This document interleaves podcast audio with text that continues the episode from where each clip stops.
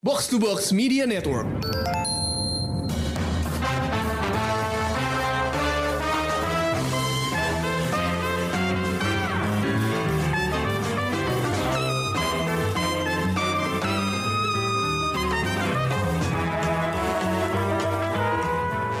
Selamat datang ke episode spesial crossover Showbox dan Komrik Mania aka Pretelin Panel. Ini emang kayak dua dua podcast ini sebaiknya di merge jadi satu ya. Kayak udah udah keseringan kolabnya khusus buat ngebahas. Bisa dibicarakan. Eh, bukan buat jadi di pointersnya dibilang ini buat ngebahas Suicide Squad. Jadi mohon maaf gua ralat sedikit. Bukan buat ngebahas Suicide Squad. Buat ngebahas The Suicide Squad. Right. Eh, Yep. dari Komrik The Z is important. Yes the D it's the definitive gitu Wait, hold, hold up, hold up. Gue gua kira Nah. dengan adanya Rana, Komrik serta Showbox nih kita bakalan ngomongin Space Jam lagi, but oh my god That will take like a day. Uh, but okay, this is fine. Iya maksud gue kayak it's fine kalau lu mau gua sama Lisa PTSD lagi ya, cuman So, kita ngomongin di Suicide Squad seperti yang tadi suaranya udah mulai kedengeran dari Komrik ada Abang Kalia sama Taruna Didana. What's up? Yo. Oh, sup. Ya, kita bisa mendengarkan Dan dari dua orang Showbox. pro Space Jam dan dari Showbox ada Amy dan Lisa. Our girls, what's up? Hi. Yo. Oke, semoga dalam ngomongin The Suicide Squad kita lebih positif daripada ngomongin Space Jam atau atau Suicide Squad yang tahun 2016 ya. Tapi sebenarnya kan yang menarik tentang pembahasan soal The Suicide Squad adalah di netizen ini nggak bisa dilepaskan dari film yang keluar di tahun 2016 yang dibuat sama David Ayer. Eh, bahkan karena banyak banget yang mau nggak mau ngebandingin, eh, David Ayer-nya sendiri malah udah ngeluarin statement kan. Dia bilang soal pengalamannya ketika waktu itu ditekan sebegitunya sama Warner Bros. sehingga dia tidak bisa mengeluarkan film yang mau dia keluarkan.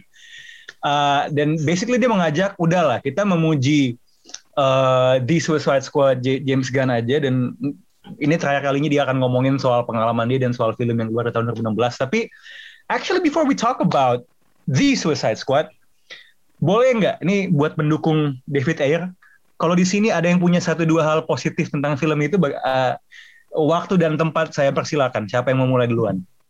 There was a Suicide Squad movie before this? Oke, Uh, so, wow, that was mean. Gue jadi tahu ada eksistensi nama karakter namanya Slipknot di DC Universe. So, Yeah, that is okay. a That, that's a plus. Slipknot tuh yang itu yang di film 2016 yang yang yang mati pertama bukan sih? Yep. Yep, Oke. tunggal pertama. Oh, ya ya yang dia manjat guy. abis itu abis itu dia meletus yang ini kan dari mukanya kayaknya dia Indian yang main ya kalau nggak salah. Iya. Oke. Motif. Uh, Amy and Melissa, anything good to talk about uh, the previous Suicide Squad? Uh, The previous Sui- Suicide Squad had uh, Viola Davis. That's it. Oh, right. Okay, Viola Davis. Lisa, pass. Pass. ada oke. Wow, singkat padat jelas. That's fair. Oke, well sebenarnya I'm putting you on a spot karena gue sendiri juga agak struggling ya kalau disuruh me- mengingat apa yang eh, apa yang gue suka gitu. Cuman it's pretty obvious bahwa film yang sebelumnya tuh kayaknya lumayan dibaca ya. Eh, ketika muncul pembahasan soal Snyder Cut, ada juga pembahasan soal Ayer's Cut, but that doesn't seem like it's happening anytime soon atau akan terjadi at all. Um, but yeah, I mean actually yang dibilang sama Amy soal ada Viola Davis, Uh, that's on the money karena bahkan James Gunn pun bilang hal-hal yang dia suka tentang Suicide Squad-nya David Ayer adalah pilihan-pilihan castingnya, right? Hmm. Di mana you have obviously Margot Robbie sebagai Harley Quinn and uh, Viola Davis sebagai Amanda Waller yang dibawa ke film ini gitu. Yang mungkin juga buat yang nonton uh, melalui VPN dan di HBO Max tentunya karena derajat dosanya lebih kecil daripada kalau misalnya lo pakai torrent. Iya. Um, mungkin juga akan Masih bayar yang penting. ya. Iya nggak sih karena apakah ini sequel, eh, apakah ini reboot dan lain sebagainya. But ini kan semua udah nonton dengan jalur yang saya bilang tadi. Let's get some initial reactions on The Suicide Squad versus Yep. James Gunn. Dana, what was your take ketika kayak hal apa yang muncul pertama di kepala lo abis selesai nonton film ini? Man the moment credits roll tuh gue tuh kayak man that was good kayak ini not gonna lie ya not no exaggeration ini kayaknya sa- Cape Shit movie terbaik tahun ini so far Oh, Cape, Cape shit maksudnya film berkostum superhero. Iya, superhero superhero Oke. ya. Oke, that is a high praise. Uh, Abang gimana? I want to know what's your thought on the position of this movie tahun ini. Dan kalau misalnya lo bandingkan dengan film superhero as a whole, where do you put the Suicide Squad versi James Gunn? Ah, the thing is kalau lo minta gua nge-compare sama film-film yang keluar tahun ini, I kayak I know for a fact that I have watched a lot of movies this year, but uh, kayak they, they're all a mush in my brain. My brain ever since lockdown came, kayak everything just sort of blend together. Right. I cannot quite pinpoint what what came out this year, but kayak for the standard, kayak I think Suicide Squad, the Suicide Squad is our brand new kayak benchmark for DC movies, I would say. Right, It's interesting. that good. Oke. Mhm. Jadi kalau lo bilang benchmark sebelum The Suicide Squad, sebelum The Suicide Squad, what was your favorite DC movie? I would say Shazam. Shazam, ya. Yeah, Shazam was really good.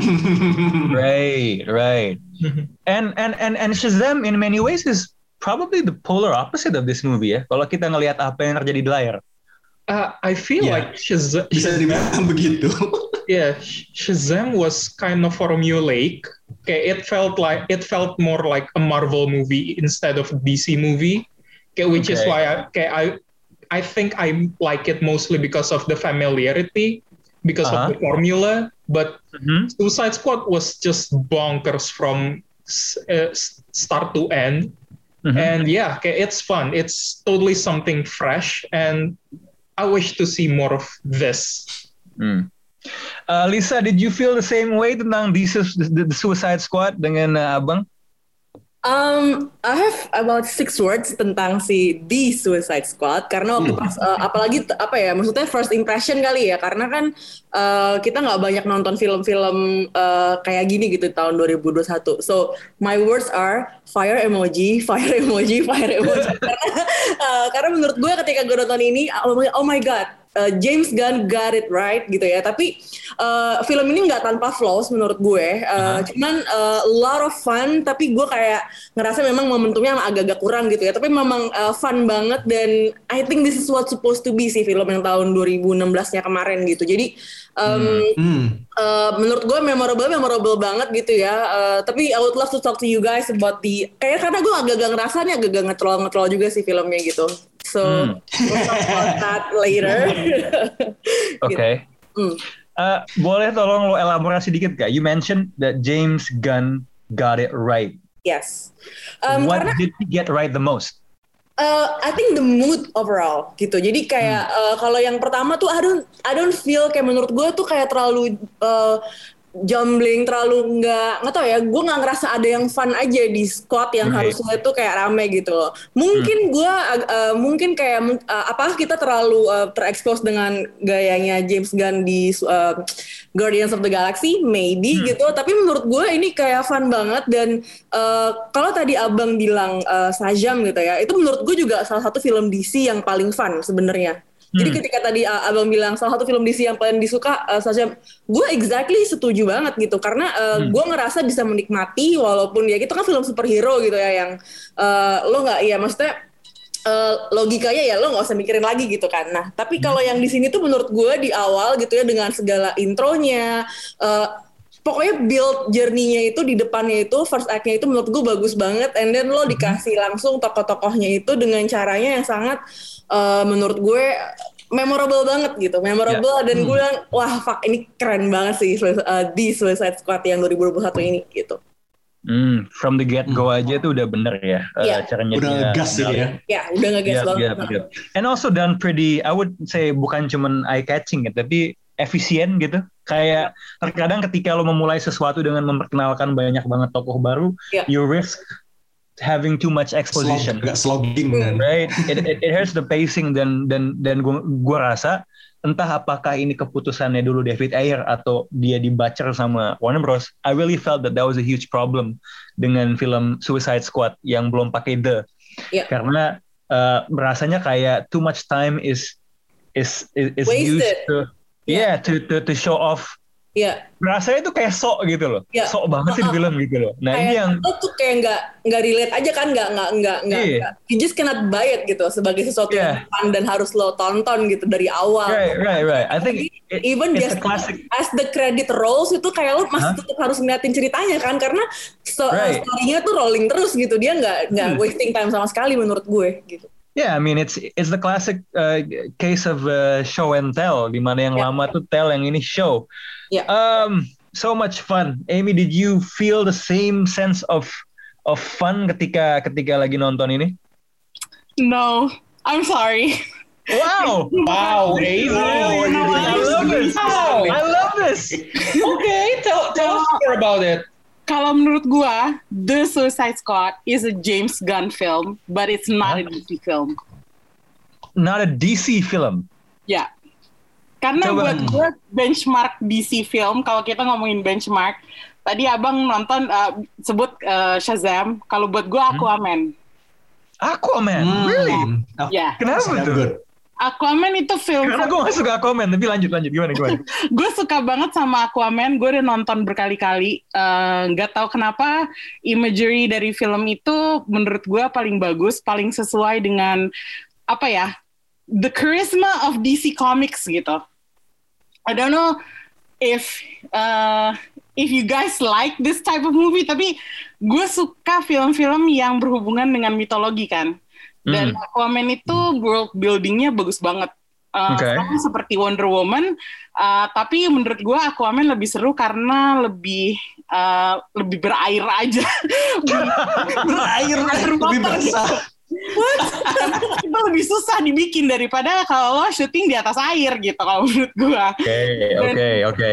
dan menurut gue James Wan sebagai sutradara tuh benar-benar reach his maturity di film ini gitu dan nggak tahu setelah itu gue nonton Zack uh, Zack Snyder Cut and I liked it jadi Oh uh, oke. jadi di kepala gue uh, se- sebuah film DC harus majestic seperti itu dan Hmm. film ini tidak mem- memberikan Hmm. pesona itu ke gue tapi Hmm. gue akan bilang bahwa ini film tipikal James Gunn banget Hmm. Um, bahkan lebih James Gunn daripada Guardians of the Galaxy Yes, tentu aja sepakat. semua kita semua uh, kebanyakan penonton kenal James Gunn dari dari Guardians of the Galaxy kan jadi uh, mau nggak mau uh, kita perbandingannya ke Guardians of the Galaxy. Tapi kalau lo nonton film-film James Gunn yang sebelumnya uh, atau cerita-cerita yang dia tulis itu tuh lebih dekat sama Suicide Squad ini gitu. The Suicide gitu-gitu Squad ya. Kayak Super. Hmm. gitu. Jadi kalau gue merasa film ini bukan film DC, uh, bukan hanya karena menurut gue hampir nggak ada wajah yang uh, karakter yang gue kenal.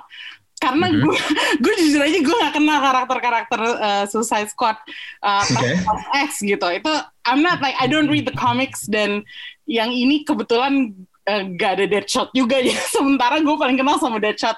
Jadi Hmm. eh, apa ya eh, terasa asing, terasa seperti bukan film DC karena karakternya gue nggak kenal. Gitu. Hmm. Da- tapi humornya apa Hmm. segala macam eh, apa koreografi actionnya itu James Gunn banget gitu dan Right. itu yang bikin yang bikin gue I want to stay to watch but I wouldn't call it a DC movie. Okay, uh, just a few things ya. Uh, this is I find this really fascinating karena contoh yang lo pakai untuk ngejelasin uh, what you have in mind sebagai sebuah film DC adalah film-film yang berhubungan dengan sosok-sosok yang larger than life, right? Ya. Aquaman, the King of Atlantis, and then you obviously Wonder Woman, um, Themyscira, and all of this, you know, Superman, obviously just this huge mythology gitu ya. Ya. Tapi from the get go kan sebenarnya Suicide Squad itu subject matter-nya tidak setinggi yang lain-lain itu gitu loh. So what I want to ask you adalah did you just not like it because ini adalah ya ini tidak sesuai film film film DC atau just because it's different apa apa gimana gitu like like how do you contextualize it? karena eh, lagi-lagi gue harus ngebandingin sama studio sebelah ya.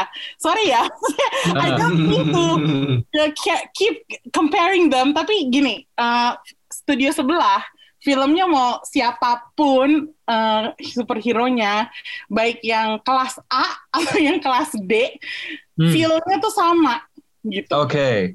Jadi Oke. atmosfer dan apa ya, di- suasananya tuh menurut gue eh, nyambung dari Hmm. film ke seri ke Kohesi gitu ya. Iya gitu.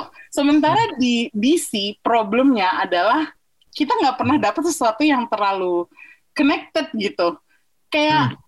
They all stand alone. Dan sekalinya gue dapet yang ada connectivity-nya itu adalah Aquaman, uh, Wonder Woman, terus uh, Justice League Snyder Cut gitu. Oke. Jadi yang yang, yang gue pegang tiga itu gitu. Gue tahu bahwa Mhm. The Suicide Squad bermaksud untuk um, apa ya sebagai I wouldn't say filler juga, tapi kayak pelengkap dari uh, DC Universe yang yang ada di layar. But it Mhm. doesn't feel that way gitu. Jadi nggak Oke. kerasa, nggak kerasa Mhm. kayak itu adalah bagian dari universe yang sama. It just feels like a standalone thing buat gue gitu. Oke, oke, oke, oke. Gue tuh ini tuh sebenarnya menarik ya karena dan gue mungkin akan mengubah sedikit nih flow dari eh, dana nih. karena sekarang kita tuh jadi malah ngomongin soal eh, I think where Amy is coming from adalah ini tuh mau dibawa ke mana gitu. Kayak kayak nggak jelas karena it does not feel like it's part of the same universe in any way ya. Bukan cuma dari segi alur atau plot but it just feels like a different thing gitu. Nah Hmm. Um, dan tentunya eh, ada hal-hal di film ini yang nanti akan kita bahas lebih detail lagi yang menebar benih buat yang selanjutnya atau apalah kalau mau dibilang world building. But I think the central tenet bahwa harus berasa semua yang keluar dari satu studio itu brandnya sama, satu universe gitu ya. Ini kan sebenarnya sesuatu yang kita merasa itu penting karena presiden yang udah ada kan. Yang mana yang memulai hal ini memang studio sebelah, right nih ya. Iya. Nah, Oke. yang yang mau gue tanya ke kalian semua ya, mungkin ke abang dulu deh. Is it Yes. necessarily a bad thing kalau misal ini ini jawabannya bisa beda-beda ya. Kalau misalnya tidak berasa seperti satu universe dengan suguhan-suguhan DC yang ada sebelumnya ataupun yang akan datang sesudahnya.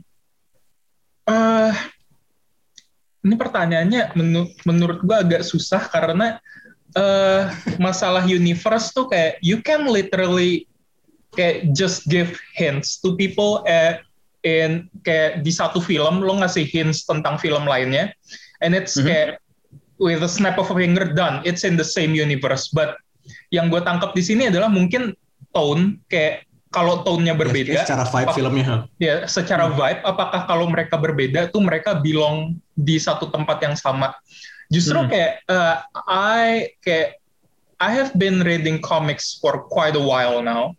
And kayak lo eh, lo tahu sendiri bahwa di kayak buku model-model Avengers itu kayak terdiri dari eh, banyak individu kayak Iron Man, Captain America, Thor. Kita ambil tiga itu dulu. Dan mereka masing-masing punya eh, buku masing-masing juga. Kayak Captain America punya solo series, Iron Man Hmm. juga punya, Thor juga punya. Dan kayak most of the time buku mereka tone-nya berbeda-beda. And I think that's what fascinating about them.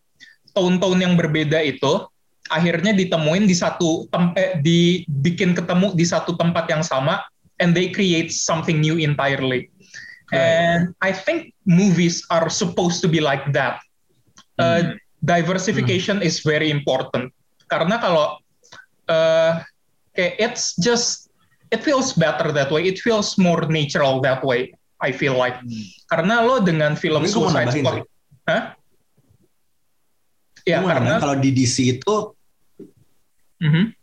kalau di DC itu kayak lo ambil Trinity lah Superman, Batman, Wonder Woman kayak mereka punya supporting cast mereka sama-sama kuat jadi kayak they're all their own thing lo bisa melepaskan super lo bisa kayak bu- buat satu run Superman tanpa dia ketemu Batman gitu kan.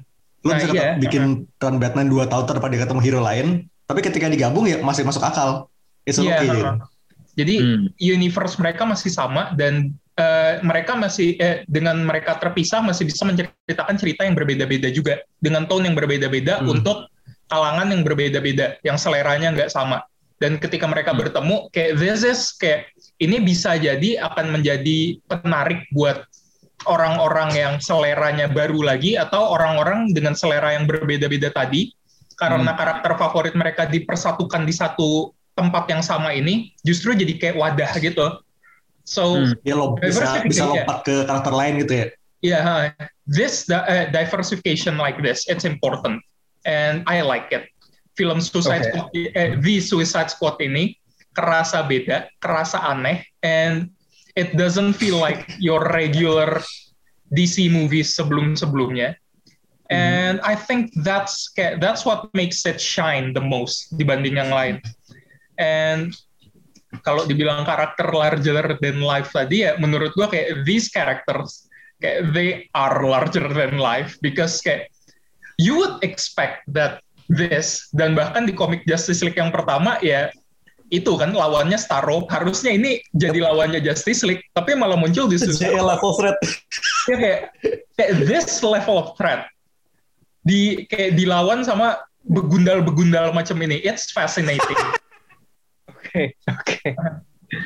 So, so basically to point, kalau lo ngelihatnya memang eh, semakin berbeda tuh semakin semakin baik ya. I think ini mi, I mean bagi gue sebenarnya benar-benar valid untuk punya dua pendekatan yang berbeda gitu. I just find this fascinating karena ketika lo bilang studio sebelah, kenyataannya adalah I think sebelum Marvel memasukkan adegan Tony Stark at the end ketemu Nick Fury ya, I just feel like the way we we consume comic book movies was different, or probably anything Oh iya, in, banget. in in in pop culture gitu. So I'm just kayak gue bisa mengerti like if I'm watching a, a especially a, Marvel movie, I'm expecting everything to connect gitu.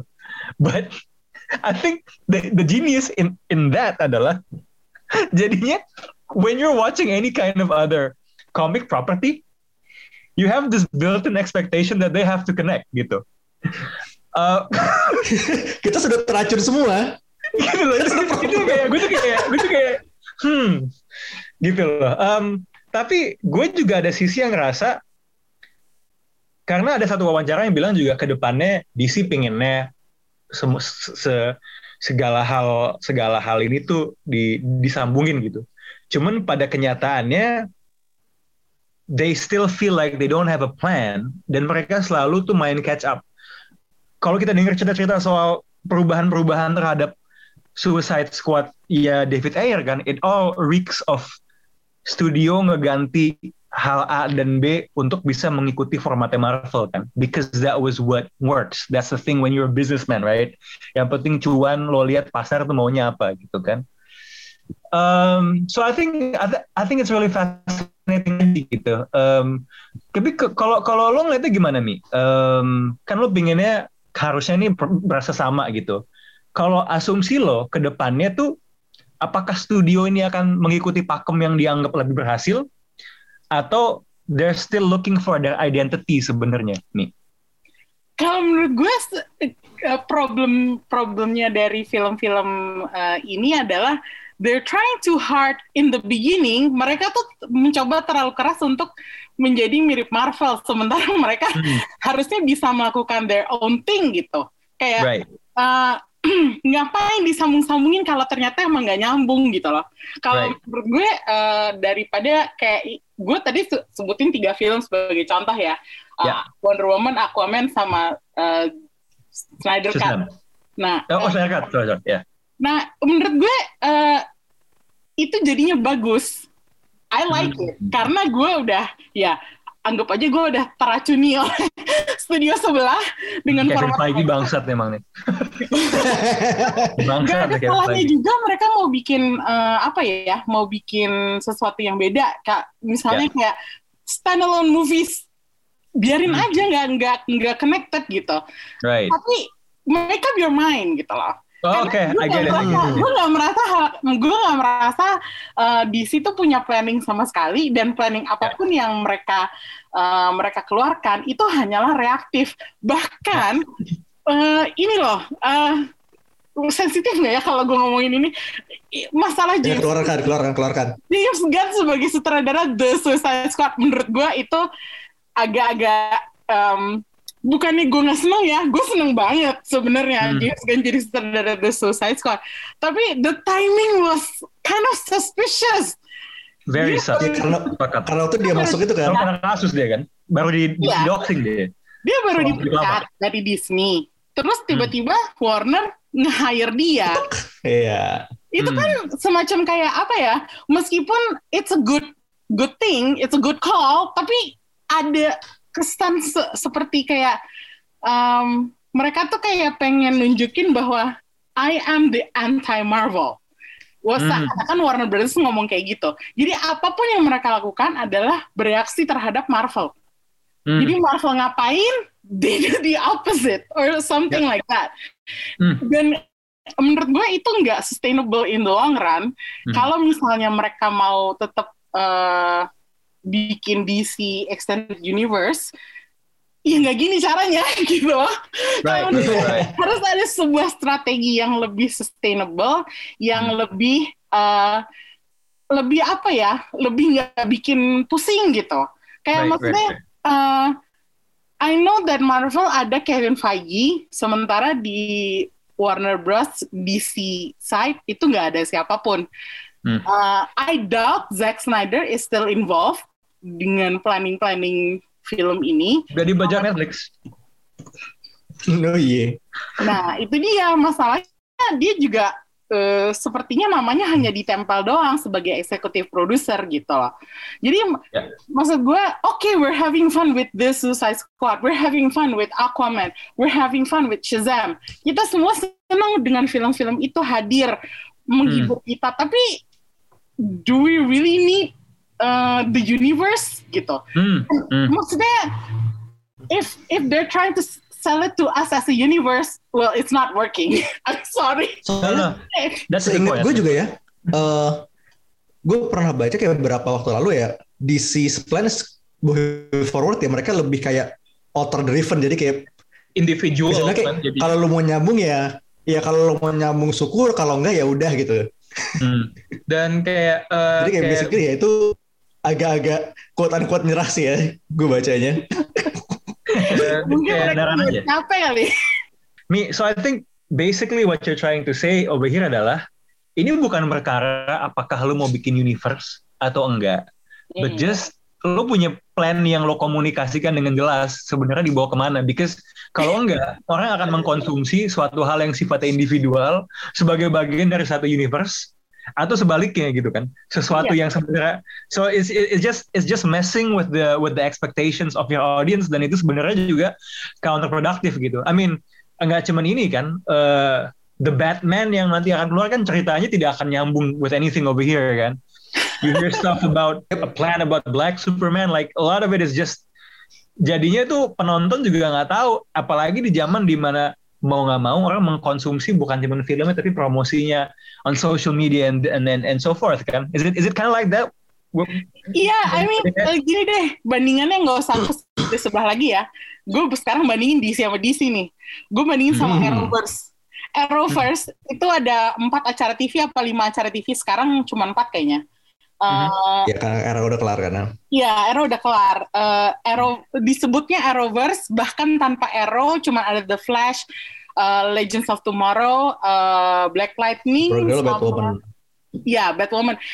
It Black Lightning works, tuh agak agak samping sih tapi itu su- itu Iya. Arrowverse adjacent sih tau gue tapi tapi it works kan? Maksudnya gue bisa Hmm. Acara setiap acara serial ini tuh beda-beda gitu, Hmm. feel-nya beda, Eh, cara cara approach eh, ceritanya juga storytellingnya tuh beda, terutama Hmm. Legends of Tomorrow yang itu nyeleneh banget kalau misalnya bisa dibandingin sama serial DC lainnya yang tayang ya.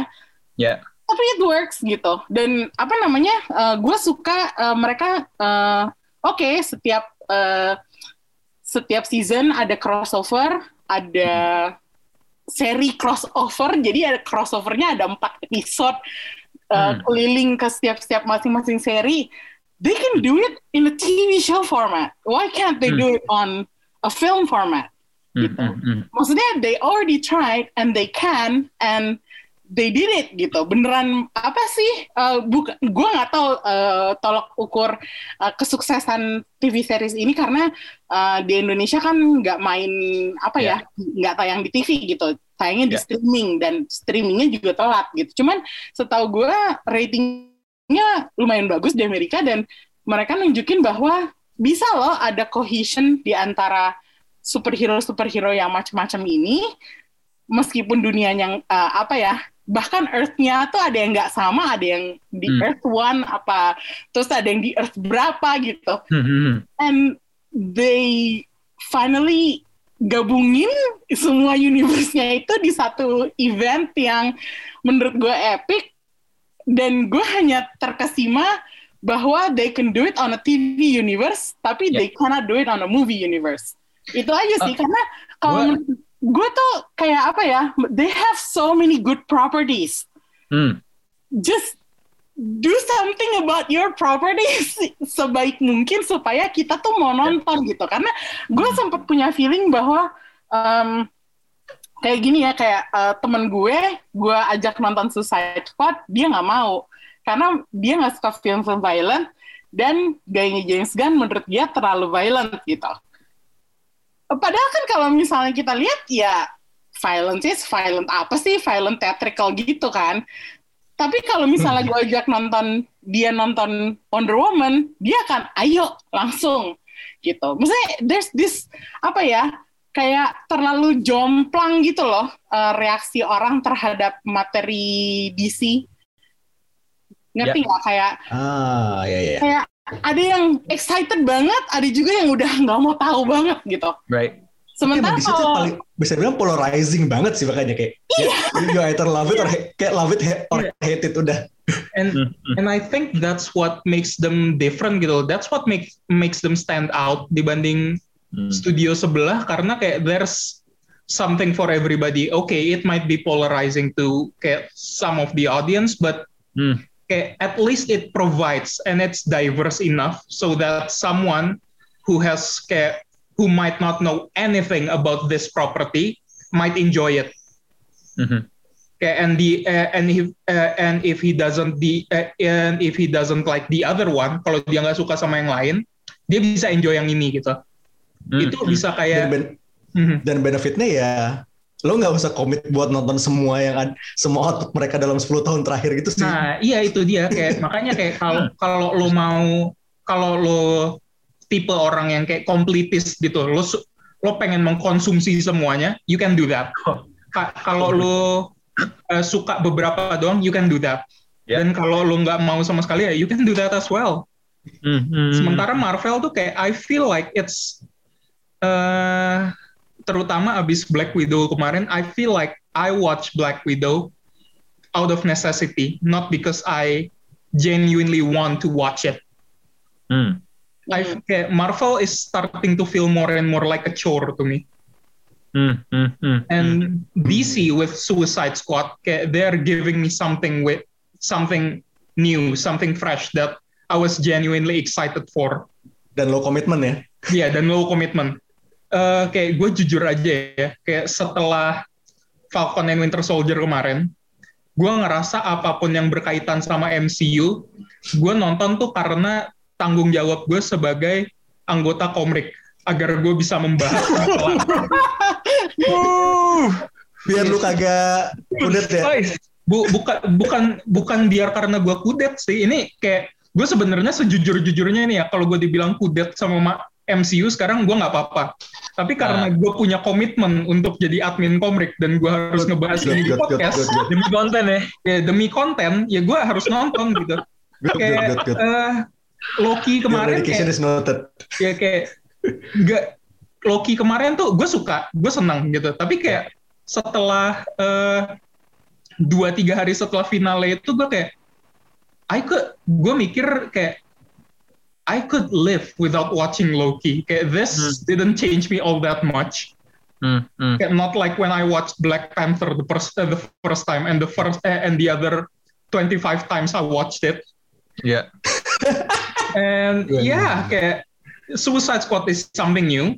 Mhm. MCU is starting to feel like a chore and if studios are looking for a direction, I feel like they should diversify. Right. Mhm. Tapi Nah, cuman- eh, Ya, gue. mengenai ini ya, uh, uh, mengenai apa catatan mengenai polarizing um, Hmm, views movies, on ya. on these movies gitu. Uh, bedanya ya kalau menurut gua, uh, these pol- polarizing opinions, uh, it could result negatively for, for the studio.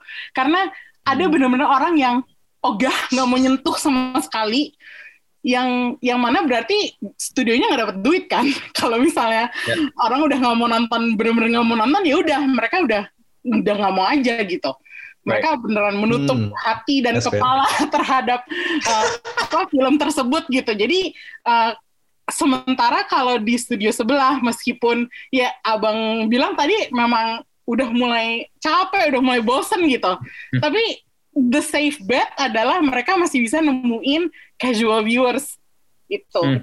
Kalau Hmm. menurut gue eh, ya model bisnis yang kayak gimana yang mau diikutin sama studio ya itu coba dipikirin lagi lah. Maksudnya Ya. lo mau menangin hati fans, loyalist atau lo cari duit sebanyak-banyaknya Ya. itu aja sih sebenarnya. Dan nggak sih? uh, Mi, pada akhirnya justifikasinya kan duit ya, bukan Iya. bukan perkara jahat itu gitu. Cuman cuman gue tuh agak ngerasa senada dengan abang dalam artian uh, ini saya tracking sedikit ngomongin soal Marvel ya. Memang jahatnya adalah semua cerita itu work sebagai sebuah puzzle piece. Jadi Hmm. terkadang memang lo nonton sesuatu yang A biar lo bisa ke B gitu loh. Kayak ibarat lo main game ada level-levelnya gitu. Jadi sebenarnya it's always about teasing ya. Dan gue curiga, as much as I like Loki, as much as I like parts of WandaVision and Falcon and the Soldier, lo tanya gue apakah gue pengen nonton series itu lagi? Du, gue dugaannya enggak ya, karena sebenarnya Yes. Same, same. Right? Exactly. Karena kayak lo nonton memang untuk tahu ya, selain tentunya kalau memang jadi admin komprik untuk tahu konten gitu ya. Content. Betul sekali. bisa ngomong gitu ya, biar kelihatan expert, pawaling, pawaling asik gitu. Asik. Enggak gitu juga sih. cuman, cuman it's it's to get to that point gitu loh. It's not like, oke gue nonton ini karena gue ingin terhibur, gue pengen escape. Enggak, lo nonton ini karena lo, lo pengen tahu tokoh ini nantinya akan punya fungsi apa. Betul. Sangat betul. Gitu loh. Jadi memang memang tapi memang itu memang format yang works karena it lives a lot on borrowed interest sama sesuatu yang udah terbangun, right? The beauty of the plan adalah memang sudah dirangkai sedemikian lama di mana menurut gue film-film Marvel itu akan cukup critic proof gitu. Hmm. Um, I think sebenarnya what I would say adalah di masing-masing pendekatan you have to know how to feel like you have a plan. Di di penting buat yang Marvel untuk bisa ngediversify sehingga cerita lo tuh bisa dinikmati tanpa mesti ngikutin A ke B ke C, bisa lo nikmati dalam vakum. Penting juga buat yang DC kalau memang niatnya kan kayaknya yang yang lo keluhkan juga mi eh bukan keluhkan, yang lo yang lo kritisi adalah oke lo polarizing tapi ini part of the plan apa lo masih nerka-nerka? Nah, itu dia. right? Sebenarnya y- nggak apa-apa kalau lo mau diverse cuman dalam mengkomunikasikan ini lo jelas juga gitu loh biar orang tuh bisa bahkan harusnya bisa lebih menikmati itu secara utuh dengan tahu bahwa memang ini disengajakan beda-beda gitu. Yang yang yang agak nggak ketahuan kan adalah karena masih ini bisa jadi belum tentu loh Suicide Squad itu di Suicide Squad akan bikin dia fix akan kayak gini arahnya. Karena secara box office uh, openingnya is not that good sebenarnya uh, di uh, US walaupun itu belum taking into account angka di HBO Max ya dan tentunya because of Corona mungkin dan peningkatan Delta varian orang juga takut lah ke ke ke bioskop. Cuman kekhawatirannya memang adalah nantinya akan reaktif juga gitu loh. So it's not it's not diversity for the sake of diversity introducing new things, tetapi karena belum ketemu formula yang nyantol aja, kekhawatirannya kan sebenarnya itu gitu loh. Uh, karena belum belum belum belum tahu mau ke mana. Dan kalau dipikir-pikir permasalahan DC adalah lu delapan udah delapan tahun sekarang kan kalau kita ambil waktunya setelah dia ngeluarin The Dark Knight uh, apa uh, Rises. ya Rises gitu gue hampir bilang The Dark Knight Returns gue lupa judul filmnya apa Iya. Deket. ya cuma kan the problem is lu 8 tahun lu masih Duh, gue bahkan lupa sebelum The Dark Knight Rises ada Green Lantern malahan. Cuma Ya, gue Right. prefer to forget sih sebenarnya, tapi ya gitu sudah. loh. Cuma kayak kayak kayak just just be a bit more clear. Nggak nggak ada salahnya dengan dengan yang diverse. Cuman pada kenyataannya cara orang mengkonsumsi film apalagi film tentpole, film dari komik itu berbeda di- dengan awal 2000-an ketika lo nonton X-Men tanpa ada baggage sama sekali ketika lo nonton Hulk-nya Ang Lee, ketika lo nonton Spider-Man 2, you you don't really care. Yeah, gitu it, loh. it, it doesn't require commitment. Marvel Yeah. is the yeah, Marvel is dangerous now because okay, it's okay, it's been more than 10 years and they have learned how to weaponize consumerism and our Right. okay, and our fear of missing out gitu loh. My God, that was itu komen yang sangat kiri, man. I, I love it. Kayak ah, kayak It's so evil, eh? sejujurnya gue gue ngerasa takut ngomong gitu tapi kayak it has to be said somehow. But remember, man, the mouse is always listening. Iya, besok gue hilang nih. Enggak, enggak, enggak. Cuma Ada tukang Ini- bakso pakai baju Mickey Mouse gue hilang. tukang, tukang ini apa, eh, tukang bakso yang disuruh sama Bob Capek ya. gitu kan. Dia lagi la- lagi udah udah udah lagi di, dihajar kan karena apa yang dia lakukan dengan kontrak-kontraknya Scarlett Johansson, eh, bahkan Emily Blunt kan. Nah, dia habis iya. berkontrak ini, abang, gitu. Aduh. Tapi kan itu kan memang modusnya uh, I think that's what DC eh sorry uh, DC does in everything they do. Kayak gua kumpulin IP sebanyak mungkin, gua flexing nih bicep gue isinya IP IP semua dan nanti gue gabungin gitu kan. Bahkan Pixar aja udah mau bikin film Lightyear nantinya kan. Oh yeah, that's a thing. Gue sampai That's the thing, bro. I almost forgot. Wow. gitu. So I guess ini sih maksud gue it, it is it is mungkin kesimpulannya kritik buat uh, DC and Warner Brothers is like just lo be clear with what you're doing and to Marvel why are you so evil gitu kan sebenarnya itu satunya kan dua itu kan so kayaknya pem- pembahasan makro ini uh, kalau dilanjutin sih bakal bakal lama panjang and it, Ini jadi it, it's on episode ini.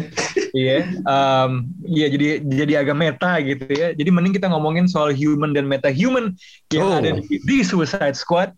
Um, Eh, gue- poin eh. ini gue balikin ke poin tersedana. Katanya ada cast gushing. Oke, Uh, so, ya. but before that, kita dengerin dulu trailernya The Oh, Suicide iya. Squad. You gotta be kidding me. You're gonna risk the entire mission for a mental defective dressed as a court jester. It's coming from a guy that wears a toilet seat on his head. We don't leave one of our own behind. Hopefully Harley's still alive. No funny business, Colonel. These are dangerous people. Team two is clear to go. Fire. Three, two. What are you guys doing? What? You, we're, we're here to save you. You were gonna save me? It was a really good plan, too. Well, I can go back inside and you can still do it. That's patronizing. I'm so sorry. Harley Quinn. Bloodsport.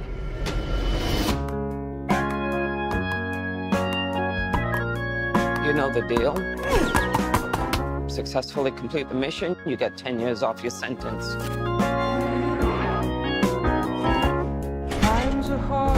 You fail to follow my orders in any way, and I detonate the explosive device in the base of your skull. So this is the famous Suicide Squad.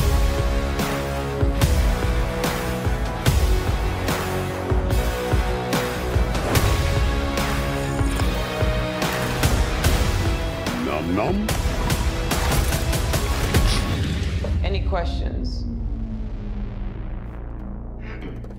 And Yes, that is your hand. Very good. we're all gonna die. I hope so. Oh, for fuck's sake. Here's the deal. We fail the mission, you die. If we find out any information you give us is false, you die. If we find out you have personalized license plates, you die. What? No. If you cough without covering your mouth. Harley, although that isn't an open invitation for you to cough without covering your mouth. What's the plan? How the hell am I supposed to know? You're the leader. You're supposed to be decisive. And I've decided that you should eat a big bag of dicks. If this whole beach was completely covered in dicks, and somebody said I'd eat every dick until the beach was clean for liberty, I would say no problemo. Why would someone put penises all over the beach? Who knows why madmen do what they do?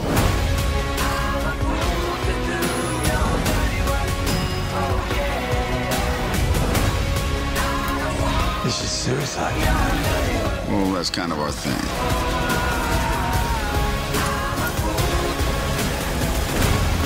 Don't you worry?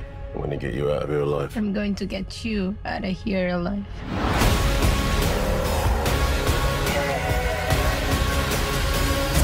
Oh my god, we've got a freaking kaiju up in this shit!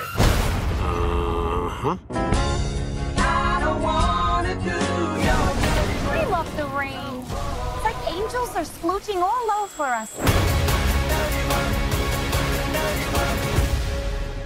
So, sebenarnya satu hal yang paling notable di film ini adalah main cast-nya itu kebagusan. Oke. Ini coba, lu punya Idris Elba, lu punya Sylvester Stallone, lu punya siapa lagi tuh? Margot Robbie obviously, Viola Davis. Like, The whole the sheer level of talent dan lu juga punya Taika dalam kayak dua atau tiga peran. Ya. Jadi kalau Sebenarnya kan dan yang yang lucu adalah bahkan ketika castingnya diumumkan banyak banget wah gila nih kok dari nama-namanya kayaknya bahkan dua kali lipatnya di apa Suicide Squad yang sebelumnya gitu ya. Iya. By the way ini sudah sudah masuk ke area spoiler atau belum? Spoiler aja lah, ini udah Oke, spoiler. Spoiler. Spoiler, yeah. Oh, jadi kalau misalnya lo nggak pi- lo pengen dengerin ini film fresh ya, eh, langsung lo tonton aja tentunya dengan cara-cara yang udah kita hint di awal. We'll be waiting. Legally harus. Ya, eh, from this point eh, forward kita akan lebih bocor eh, dalam reveal plot point plot point di dalam filmnya. So, what I was about to say, spoiler alert adalah banyak banget bintang film yang ada untuk mati dengan cepat. Ya, glorified cameo sih basically ya. Right. Kayak although kayak sebenarnya kalau lu nonton trailer pertama, lu udah tahu siapa yang bakalan mati, but the fact that they went the extra mile to get these people to die, it's amazing. Hmm. In a painfully brutally way, ini juga lupa kita sebut di awal, film ini is a hard R. Yes. So, body parts, blood, bagian tubuh yang terpotong, Muka hilang, muka hancur, itu ada semua ya. Kemarin gue sempat lihat di Twitter kayaknya ada yang bilang gak suka sama film ini karena anak gue yang 6-8 tahun eh, ngelihat darah-darah gitu. Ini di bioskop. Siapa suruh Mali? Yoi. Man, kayak Bego that's, juga. yeah, that's amazing though. Nature is healing. Karena kayak nggak lengkap ada film R-rated yang di bioskop dan nggak ada orang tua yang bawa anaknya yang masih bocil. So nature Ah. is healing. I'm I'm happy for this. Tapi bang, bang, bang dugaan gua kalau ini di Indonesia itu pasti akan lebih banyak yang bawa sebenarnya. Iya, Pasti. makanya. Karena nggak ada nggak ada layer of protection ya lo nggak ditanyain KTP. Yang mana menurut gue itu jauh lebih efektif untuk memastikan eh, konsumsi sesuai audiens daripada ada lembaga sensor ya. Ini juga film feeling gue bakal menurut lo sebelum kita ngomongin castnya, menurut lo ini sama Mortal Kombat mana yang lebih sadis? Ini sih jujur Mortal Kombat tuh kayak Mortal Kombat nggak berat- banyak. iya, bukan berarti sadisnya nggak banyak, tapi kayak sejujur-jujurnya ya, gue udah lupa 80% filmnya tentang apa. Jadi gue nggak inget.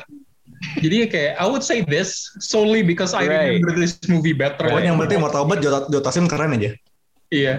Jadi mari kita bersyukur eh, yang nonton di HBO Max karena sudah pasti kalau masuk ke Indonesia ada beberapa menit yang terpotong. Juga- enggak, ini lu gue bagi ini kalau masuk di Indonesia jatuhnya gue rasa ada lima menit itu kita cuma ngeliat zooman doang, kayak zoom Ya. extreme zoom. Wah ada ada jump cut tiba-tiba nih, hop, gitu. Um, Oke, tadi sebenarnya ketika ngomongin cast tuh yang pingin gue mention yang mati dengan mengenaskan di awal adalah orang yang gue tidak simpatik karena kayaknya semua artis Hollywood yang terkenal tuh pernah dia ewe deh sebenarnya. Pete Davidson, Man, that guy. that dude. Uh, sama siapa lagi yang di awal? Michael Rooker. Michael iya. Sebenarnya yang gue suka adalah Michael Rooker dia di, di setup sebagai uh, the viewpoint karakter kan. Expositionnya tuh dibuang ke dia semua nih. Susah Right. itu apa? Kita ngapain? Awalnya kayaknya badass Kalau lu banget kalau lu membangkang gimana? Uh, uh, uh. Ternyata- Oh iya bener bener bener bener. Terus tiba-tiba pas di opening scene kayak jedar, yeah. Iya Slipknot ya men. Iya dia Slipknot ya. Terus, man, gue sebenarnya gue sayangkan adalah sebenarnya kostumnya itu gue mau lihat tuh lebih lama. Kayak itu kayak cyberpunk Tommy Wiseau gitu loh.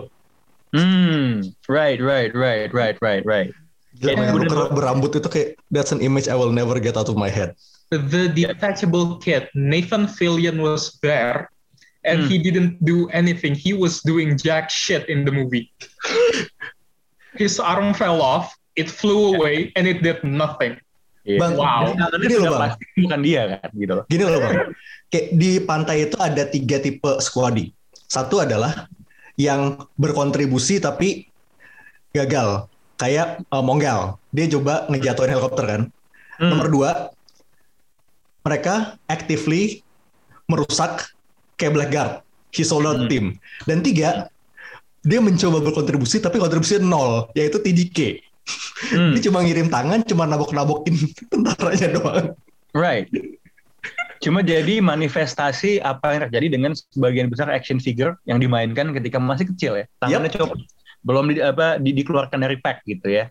Um, ini just uh, hinting on the plot a little bit ya. Obviously ini di awal-awal you already know Suicide Squad itu apa, kumpulan penjahat yang dikirimkan untuk jadi apa uh, jagoan undergrader untuk menyelesaikan kasus-kasus yang pemerintah Amerika nggak mau ketahuan ya. Jadi mereka memang menjadi tangan kanan imperialisme dan neokolonialisme ya Oh berat. dengan dengan dengan uh, berbagai macam persyaratan uh, entah itu misalnya uh, uh, waktunya di penjara dikurangin atau justru sebaliknya ditekan diancam kalau lo nggak lo nggak begini Anak lu Eh, kita penjara. lo ya yang mana itu semua ditekan-tekan sama uh, seseorang yang bernama Amanda Waller yang dimainkan oleh Viola Davis yang juga sudah ada di Suicide Squad sebelumnya gitu loh. Jadi emang ini film tentang penjahat-penjahat yang di, yang terpaksa menjadi jagoan dan sebenarnya overall plotnya pun juga cukup simpel. Mereka dikirim untuk uh, ke sebuah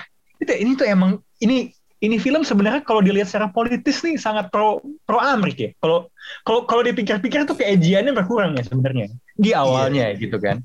Uh, ke, ke ke negara yang jelas-jelas itu terlihat seperti proksinya Kuba atau Dominika atau Puerto Rico Otomatis. Untuk eh, menum- ya betul untuk menumbangkan diktator yang tidak sesuai gitu.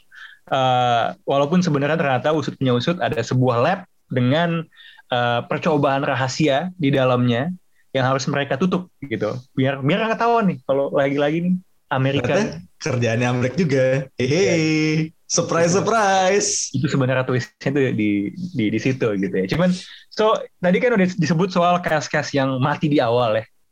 Um, Amy, Ya. sebagai orang yang melihat ah ini filmnya James Gunn banget ya. Kalau menggunakan lensa itu, siapa cast member yang yang paling yang paling lo suka lah di film ini? Actually, I like. Uh, mungkin karena gue ngefans sama dia kali ya. I really like Idris Elba Iya. in the lead role. karena menurut gue Idris Elba tuh aktor serius. He's a he's a dramatic actor dan setahu gue dia juga kalau lagi kerja. Soalnya gue pernah ngobrol sama Joe Taslim gitu. Dia pernah Hmm. bilang waktu syuting Star Trek, Idris Elba tuh orangnya serius banget, kenceng gitu. Kalau misalnya lagi syuting tuh nggak mau ngobrol apa segala macam karena he's in the character kan. Right. Dan di sini tuh nggak tahu kenapa aktingnya dia tuh kayak lepas lepas banget gitu. He's having a Dan- good time. Iya dan apa ya? uh, menurut gue dia lebih pas di di Suicide Squad ini di sebelahnya Margot Robbie, di sebelahnya John Cena, di sebelahnya Joel Kinnaman daripada Will Smith. I mean, gue nggak mengatakan soal talent atau apa ya. I just find that Idris Elba is like uh, the leader that Suicide Squad deserves gitu. Leader tanda kutip juga sih jatuhnya ya.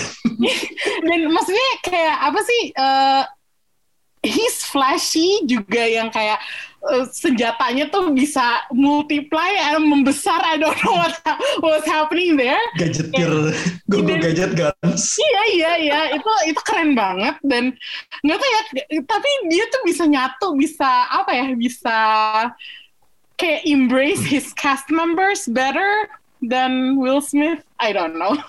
Mungkin gue kalau ngomong kayak gitu gue dihajar kali sama fans Yeah. Will Smith kalau ada. Tapi ya I don't know. That's just uh, you ask me uh, siapa cast yang paling memorable buat gue Idris Elba karena finally there's this charismatic actor yang bisa uh, acting dan menyeimbangkan semua orang yang di sekitarnya dan nggak peduli lo John Cena apa lo Margot Robbie atau lo uh, apa namanya Viola Davis he's good with everyone Hmm, hmm, hmm.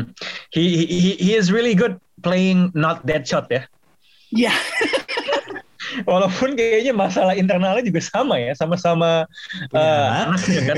Pressure point-nya anaknya kan. iya iya maksudnya ya uh, like I'm not I'm trying not to compare sih sebenarnya cuman kayak uh, aktor Inggris man Iya, kualitasnya iya, iya. ya, sama aktor Built different gitu ya.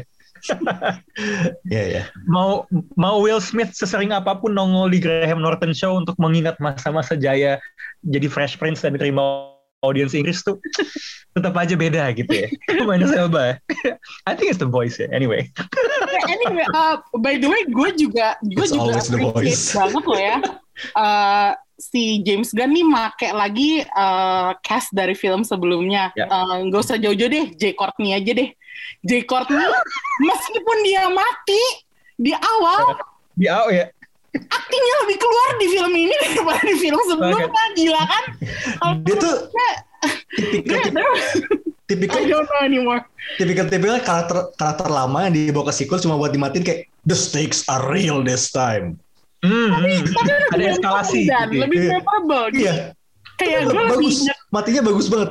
Iya, dan gue lebih inget wajah dia, gue lebih inget kostum dia di sini, gue lebih inget peran dia ngapain gitu daripada film sebelumnya gitu. Dan apa ya, uh, Joel Kinnaman yang sebagai Rick Flag di film pertama tuh gue nggak inget dia ngapain sama sekali, beneran. Iya, exactly. Sementara This is there. dia tuh kayak Ya.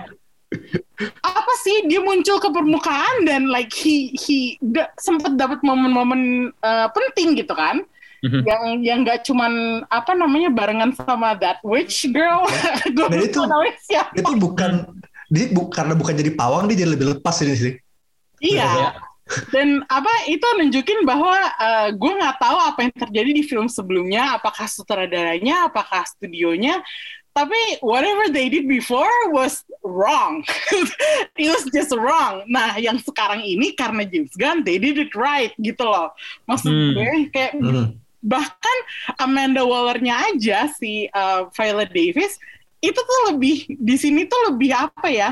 Lebih lebih kejam kalau menurut gue.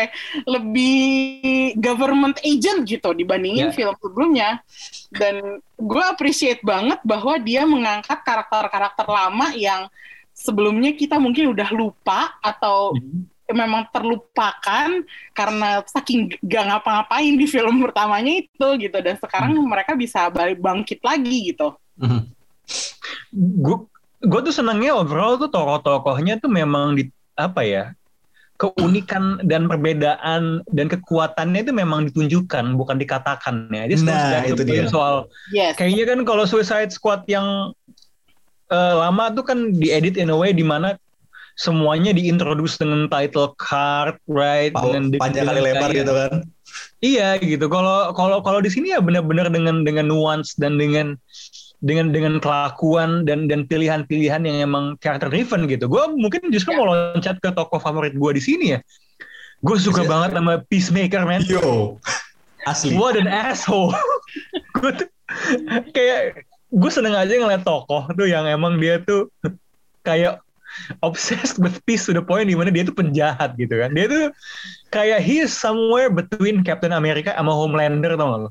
Iya, makanya Kayak- very American. Iya tujuannya tuh kayak jahat, cuman kalau Homelander kan dia dia tuh agak out of control gitu kan. kalau ini tuh terkontrol sekali tapi ke arah yang salah gitu dan lo lo tau gak sih Peacemaker Ya. tuh sebenarnya kayak he's more of a Megatron.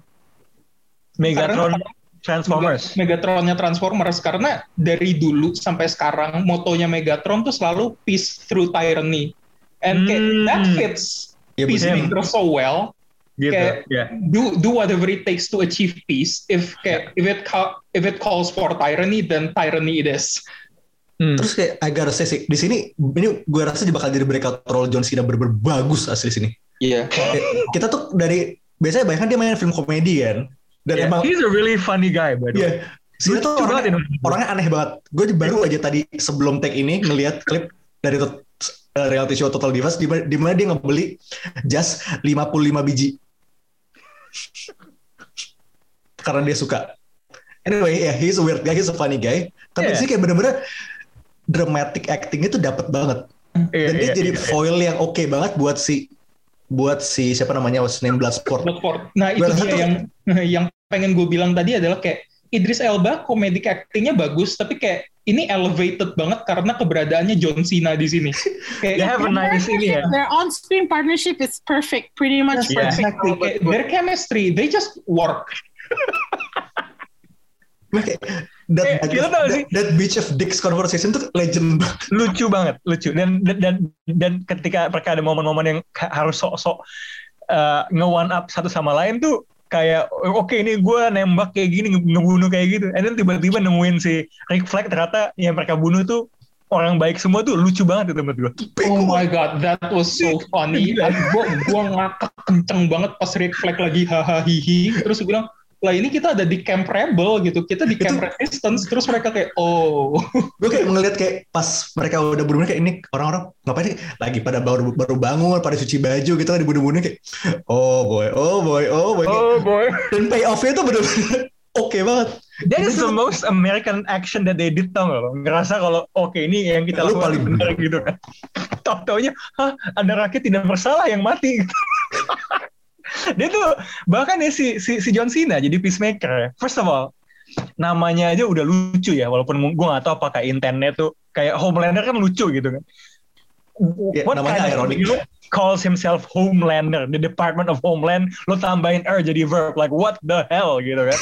Nah ini tuh peacemaker tuh, dan jelas-jelas kelakuannya kayak gini ya, lo tau kata peace gitu, oh peacekeeping troops uh, PBB gitu kan. Everything he does itu tidak ada yang peaceful sama sekali for peace. lo tujuannya peace kalau jalannya tidak ke violence ya sudah gitu mean, kayak, if if there is no criminal to do crime, it's peace. ah itu dia betul betul betul. It's, it's, it's, it's a very pragmatic view of peace. But dia, dia kan kayak apa ya? Dia jadi straight man times 10. Ketika dia pertama kali nongol dan berdiri posisi siap, itu tuh kayak hah? Ini tuh apaan gitu loh. Ketika dia uh, malam-malam tidur tiba-tiba jalan dia pakai kolor sendirian lucu banget. Kol kolor kayak bolsnya gede banget lagi bangsa. Eh, tapi gue, gue rasa tuh kayak eh, si Bloodsport sama Peacemaker tuh bener-bener klik banget karena ya satu kayak gini, lo satu lawful evil, kayak he's sup lawful banget. Nah. Sementara di Ya. sisi sebelahnya eh, Bloodsport is chaotic as hell. Dia kayak Mhm. Bas, clash ya. Ya ya. You, That's what you, makes it great. you can actually put it to that to that to that grid ya, chaotic, Uh, lawful, uh, evil, of evil and good. uh. ya. Iya iya iya iya iya. Eh, abang kalau lo sendiri siapa yang paling paling stand out buat lo? Eh, gue sebenarnya tadi pengen bilang John Cena, tapi kayak John Cena dan Idris Elba itu dua orang itu kayak nggak bisa gue lepas. Hmm. Jadi gue ngambil jalan tengah. I'm just gonna say Ratcatcher 2. Yeah. Oh, the heart of the movie. Uh, kayak there's just something about her gitu loh. Kayak the fact that Girl.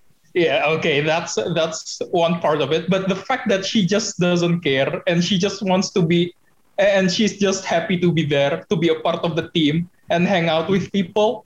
I like it so much gitu loh. He just wants to sleep, man. Iya. Di- dia tidur, tidurnya nyaris dimakan hiu aja masih tidur. Butuh Terus bahkan persahabatan. Hah? Hah? butuh Butuh persahabatan. persahabatan.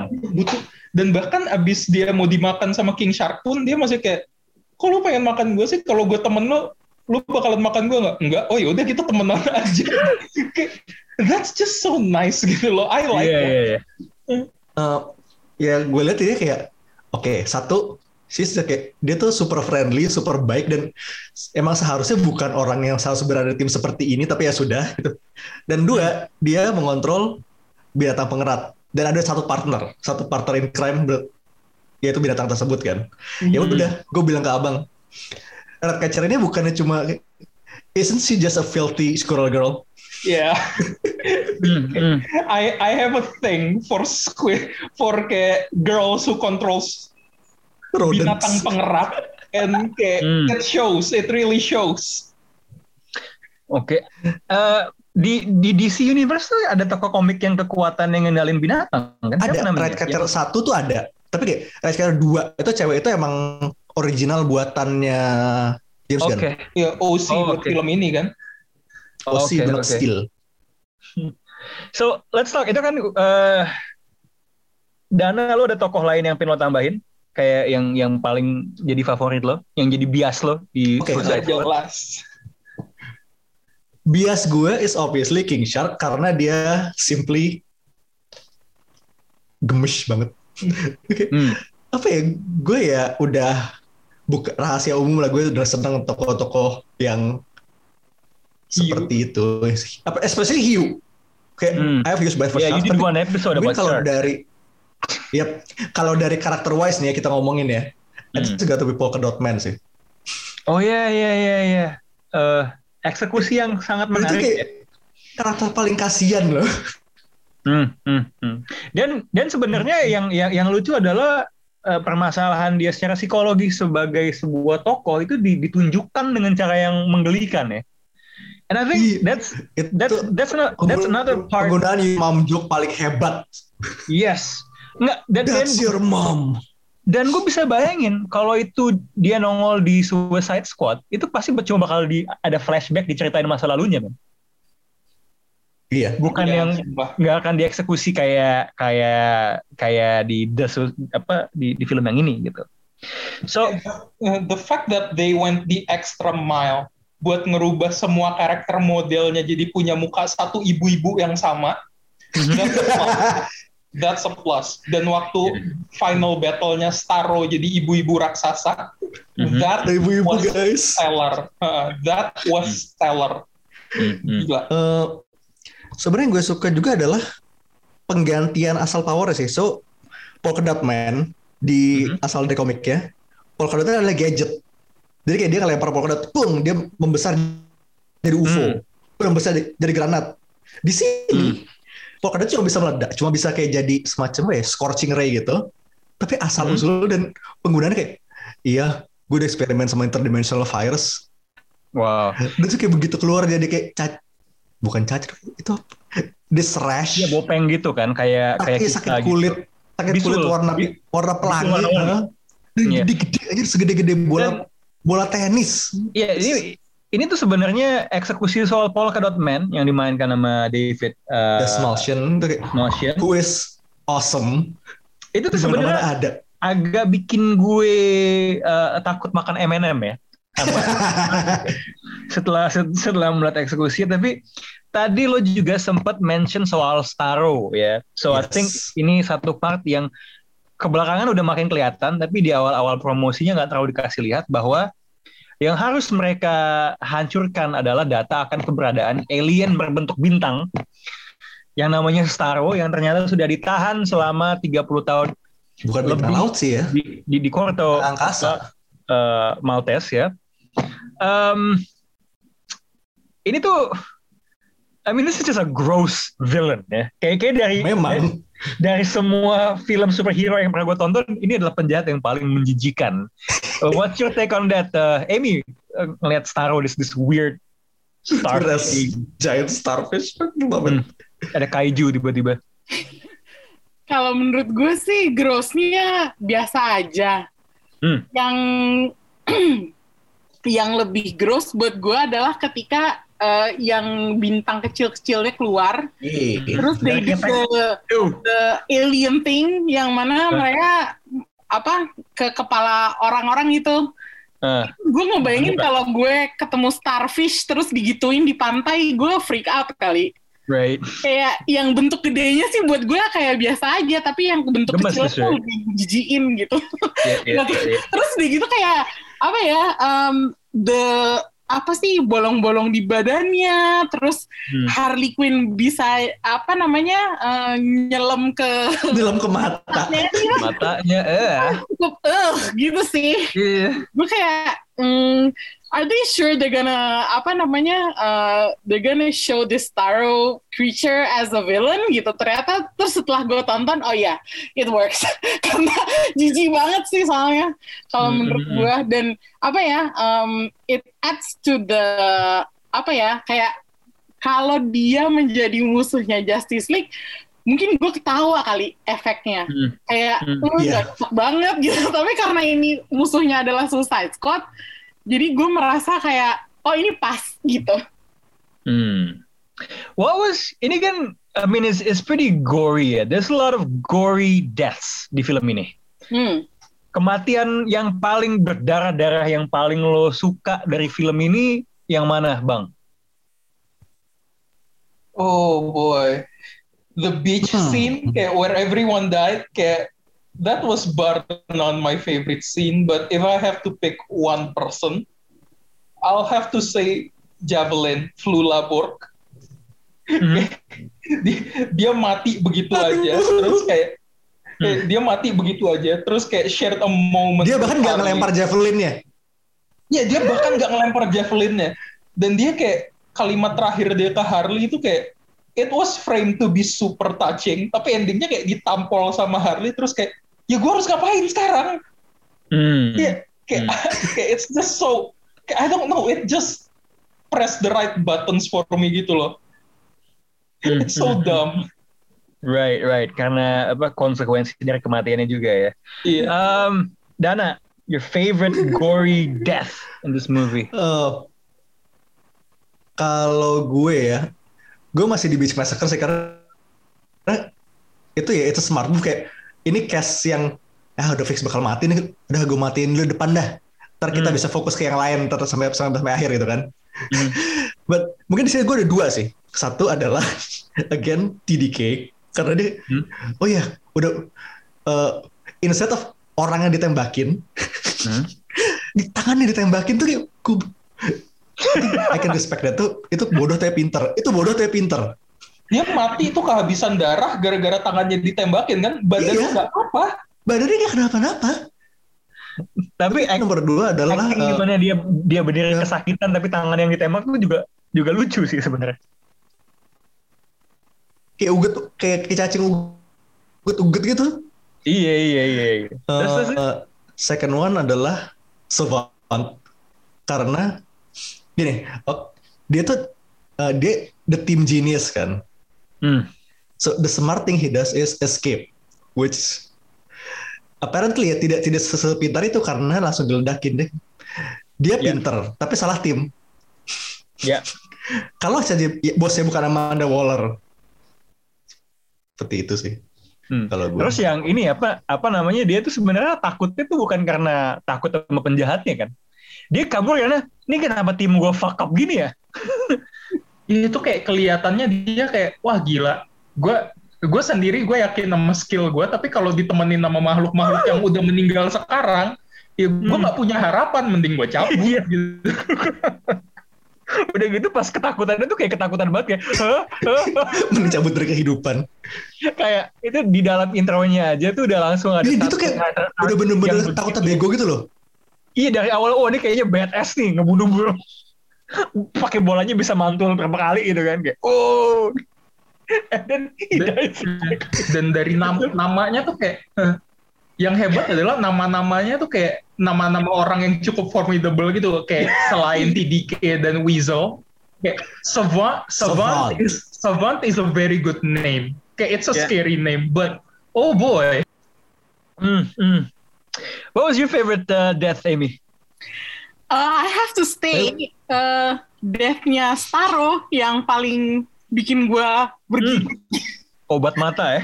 Eh, Karena dia dimasukin tikus. Wah. itu geli banget sih. Gue perasaan gue sama seperti uh, Bloodsport waktu dia dirubung tikus itu terus hanya bisa meringkuk gitu. Gue perasaan gue sama sih. Terus Oh. gitu yang apa uh, saraf-saraf di dalam badannya Starro di Itu tuh udah digigitin tikus tuh kayak ngilu banget beneran. Iya. gue kayak beneran deh that was like Ya, a betul. really harrowing death scene buat gue yang Hmm. kayak apa ya yang yang eh kayak kalau kalau bisa gue nggak nonton lagi gue nggak mau nonton lagi bagian itunya I mean I know it's supposed to be a triumphant moment tapi ya terlalu terlalu jijik aja buat gue sih tikus gitu ya. Iya, tikus banget gitu. But kayak tadi, tikus gitu ya simply ya. Iya iya get it. ta- tadi Emi udah nyebutin Bloodsport sama tikus kayak karakter growth yang paling gue suka adalah waktu Bloodsport bisa ngelus tikus akhirnya kayak that was I was gonna mention beautiful. that. I was gonna Yeah, mention that. finally. That was a really good scene, by the way.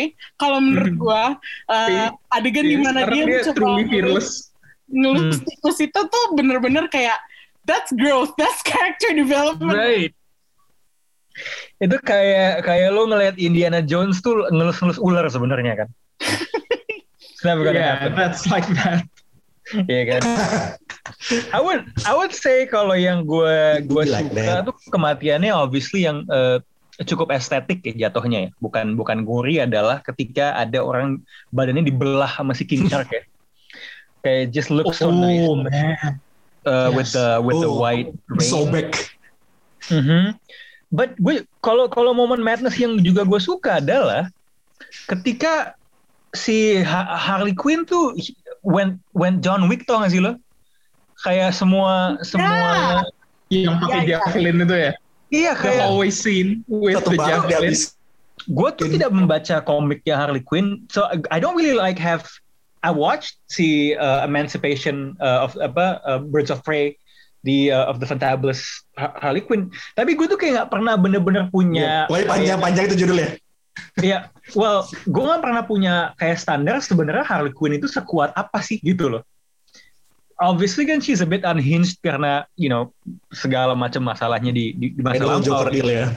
Iya, cuma gue nggak tahu dia itu sebenarnya sekuat apa dan dari apa dan satu momen di mana dia ngebantai semua guard ya dengan cara awalnya sadis tapi kemudian jadi estetis ketika diganti jadi, jadi bunga gitu itu keren banget gitu. gitu loh. Momen ketika dia nembak pe- penjahatnya yang kayaknya udah infatuated sama dia juga lucu banget kayak but it's so ketika dia bilang apa namanya eh sorry ya ini red flag gitu kayak "Ah, lu tuh kelakuannya red flag kampret gila sih It takes one to know one. I like the commentary yeah. Tapi sejujur-jujurnya nih ya, kayak waktu adegan Harley lagi diinterogasi, terus dia nyekek orang pakai kakinya tuh, kayak she wasn't even smiling. I really like that scene. Kayak di Hmm. situ bener-bener ditunjukin selama ada tiga film, eh selama ada tiga film yang udah ada Harley-nya, dua di antara itu kayak nggak nunjukin sama sekali seberapa lethal dan seberapa serius Harley bisa right kayak When Harley she Quinn tries uh, Ya, eh, kayak when, and when shit hits the fan, terus Harley bisa kayak dengan hebatnya dia nyekek orang, terus ngelepasin borgol tangannya pakai kaki. in a very Tarantino moment. Heeh.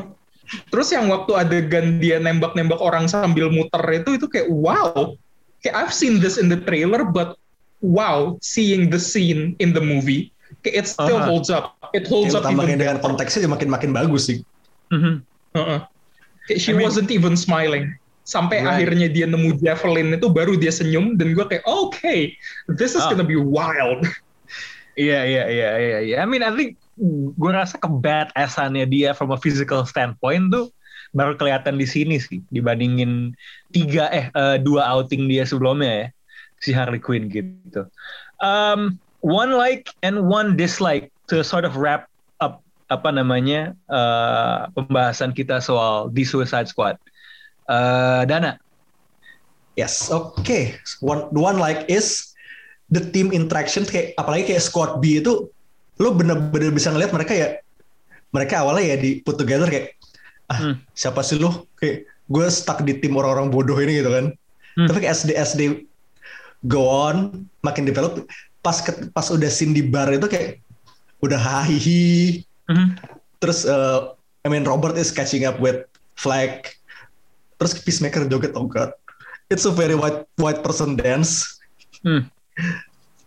dan bahkan combinationnya ya gue lihat pas si Peacemaker ngebunuh Flag dan setelah itu mencoba ngebunuh uh, Ratcatcher kayak lo bisa ngelihat konflik di matanya dia tuh kayak ya, this is for peace. Tapi dia kayak di sisi lain dia dia juga hesitant banget Hmm. kayak "Mm." Jadi- gue- jadi gue seneng juga sebenarnya si Peacemaker is getting as serious Mhm. dan ya gue gue gue nggak nggak bisa nggak sabar nungguin ngelihat John Cena kayak flexing his dramatic chops again because man gue kayak ngeliat Peacemaker ini kayak ya I want to see more of this guy Hmm, as a douche Captain America. Yep. Uh, one dislike. One dislike. Uh, Amanda Waller got off too easy. Hmm. Don't get me wrong, gue seneng banget kayak pas dia pas timnya kabur dari Jotunheim tuh kayak mundur nggak, mundur nggak, kamu gue ledakin nih, gitu. Terus itu plak di getok pakai golf club sama staffnya kan. Ya. Eh, Itu easily kayak my yes moment of the movie. Tapi ya karena kita tahu Amanda Waller adalah eh, penyelesai masalah dengan masalah. Ya. Jadi dia harus ada. Tapi iya itu Ya, paling- it's not a straight dislike tapi ya Ya, ya, she ya, should ya. she should got a little bit more tapi ya sudah gitu. Kayak emang Iya. jobnya dia untuk kayak to get her comeuppance tapi ya nongol lagi buat membuat masalah baru gitu. Iya palingan nanti yang yang getok dia ini apa gajinya dipotong atau nggak dapet apa jatah lembur atau apa gitu. Eh Budgetnya Amy. kurangin. Amy, uh, one like and one dislike. One like is apa ya? Kalau gue senengnya itu dia tadi yang seperti gue udah sempat sebut di awal bahwa eh, James Gunn manggil cast yang sebelumnya dipakai lagi di sini dan mereka jadi lebih bagus, mainnya lebih lebih lebih beres gitu. Dialognya juga menurut gue dialognya eh, tadi Dana juga udah sebutin kali ya. eh, apa communication between the squaddies menurut gue jauh lebih natural. Kalau yang film pertama tuh kesannya kan kayak they're just words gitu, they're just like keluarin kata-kata tapi nggak ada meaningnya gitu. Cuman kalau di sini kayak banternya Peacemaker sama Bloodsport itu seru banget. Terus eh, pembahasan soal siapa Milton itu gue suka banget sih. Kayak antara Harley Quinn Milton. sama sama si Bloodsport gitu terus kayak dari tadi dia ada di sini gitu. Terus gitu who's Oh lucu. Milton gitu. I mean it's just like those typical dumb conversations yang Ya. yang kita udah sering lihat juga di Guardians of the Galaxy kan banyak juga pembicaraan Ya. kayak gitu gitu. Cuman gak tau kenapa eh, karena yang setupnya dari awal tuh udah bagus gitu. Jadi pembicaraan-pembicaraan seperti itu tuh kayak lebih meaningful aja buat gue. Dan jadinya eh, kalau menurut gue kayak apa ya eh, filmnya juga flow-nya lebih bagus gitu tapi Ya. one dislike is um, kalau menurut gue eh, itu tadi yang kenapa gue bilang filmnya James filmnya James Gunn Hmm. banget dia Right. laki-laki mak make karakter dan aktor yang sama kayak udah ketahuan lah Michael Rooker terus uh. David Desmond gitu terus ya you know the usual Langgan, langganannya dia. Iya, langganan dia. I mean, I sebenarnya nggak masalah kalau dia mau kayak gitu, tapi kayak giving so much screen time to his girlfriend, man. Kayak Ya. I don't know, nepotisme, kolusi, KKN. dia tuh punya satu satu grup WhatsApp di serial kayak guys Suicide Squad nih kue nggak Ya betul betul betul. Kayak maksudnya, oke, uh, it's not a huge problem. Uh, it's a small, uh, apa ya kayak mungkin I'm just nitpicking gitu. Cuman ya agak-agak terganggu juga sih gue dengan uh, bahwa dia ngecast ceweknya sendiri, terus dikasih screen time yang prominent gitu. I mean, bisa nggak sih cari orang lain? Dan dan ini juga sebenarnya kan if you notice di dalam klub tuh ada cameo dari Pom Clementif ya. Yang dia main tuh. Ya, gitu kan blink or miss gitu langsung begitu nongol hmm, mana nih yang lain kan tadinya kan ketika awal-awal di hire juga sempat ada uh, wacana at least di Sokmed misalnya Bau- Bautista itu juga nongol kan untungnya sih enggak gitu ya oke um, so apa namanya just takes a bit of customizing too because it's very much you know different and very much a, a James Gunn vehicle for better or worse. Uh, Kalia abang. Oh, satu like dan satu dislike. Satu like. Like gue adalah castnya hebat. Chemistry-nya ada gitu. Semuanya all star tapi ya kayak ego mereka nggak clashing sama satu sama lain. Ya kayak in character ada clashing egos but they all work really well gitu with each other Yeah. and I like that Hmm. eh, chemistry-nya bener-bener kayak wow kayak gue nggak pernah Kelihatan. nyangka iya gue nggak pernah nyangka Idris Elba sama John Cena tuh kayak they're like peanut butter and jelly gitu loh kayak they work well they work so well weirdly enough they work well Iya. Sebelum ini kayak kapan lo bisa masukin Idris Elba dan John Cena dalam satu kalimat bersamaan? Iya, exactly. Iya iya iya iya. Gue gue nggak akan pernah ngira gitu kayak Idris Elba, this man who's kayak who's the icon of classiness, kayak so posh and so amazing gitu kayak Hmm. kayak the kayak the true gentleman bisa ketemu this meme wrestling man kayak yang kerjaannya yang, kayak yang tiap dia muncul tuh orang-orang pasti ketawa gitu loh kayak oke kayak John Cena ketemu Idris Elba gue nggak akan pernah kepikir tapi tiba-tiba ada dan bagus. Gue senang. Kayak that's a plus for me. Itu favorit gue one plus. Uh, gua- sebelum lo bilang soal dislike ya, gue mau nambahin ya. yes yes. John Cena ini menurut gue di tahun ini sebagai mantan pegula, dia menunjukkan bahwa potensi dia itu di atasnya Dwayne Johnson loh. iya sumpah. If you look at the variety of roles he's taking, ya, eh, bahkan you can make the case bahwa Bautista juga mungkin karena The Rock itu punya satu sindrom di mana mudah-mudahan dengan yang dia mainin The Rock sama Kan it's always kayak baju safari Dwayne Johnson kan? as Dwayne Johnson. iya gitu Dwayne Johnson as The Rock ke mana-mana selalu sama Iya. gitu loh. So anyway, that's just a, a tidbit on John Cena. Kalau one dislike lo apa bang? one dislike gue adalah eh jujur ya dari tadi tuh dari awal podcast gue mikirin apa dislike gue gitu. Oh, gua- oh, oh. gua belum menemukan dislike. Bukan berarti film ini perfect di mata gue. Bukan berarti this movie is without its fault and it has Ya. kayak and everything about it is perfect. Bukan. Tapi gue nggak bisa menemukan hal jelek yang bener-bener jelek gitu di Yang mata gue. gitu ya. Yang noteworthy, eh, notable tuh nggak ada. Bahkan nitpick nggak ada. Hah? Nitpick anything, smallest thing. kayak nitpick oke nitpick ada kali dan ini gue nitpick doang nggak ada solusinya jadi ini purely purely kayak I'm just Forumnya- putting out out there Forumnya memang untuk Iya. memang untuk itu.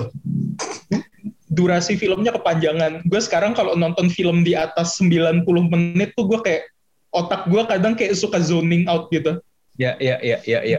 That's fair. itu fair sih, itu fair banget. Ya, jadi kayak mungkin ada beberapa adegan yang bisa dipotong berapa menit gitu kayak eh, car chase scene yang waktu mereka di eh, dalam mobil tentara Corto Maltese itu feeling gue kayaknya ada beberapa bagian yang bisa dipotong gitu. Kayak it's ada beberapa yang kayak buffer doang gitu.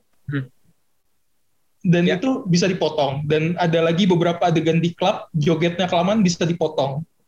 Hmm. ya itu aja sih sebenarnya. Tapi kalau bener-bener ditanya minusnya apa nggak ada It's, Ini kalau kalau gue ya uh, one like sama one dislike ya, uh, gue rasa sih sebenarnya like gue tuh udah lumayan tercover ya dengan apa yang kita bahas di awal sama beberapa poin Hmm. dari kalian.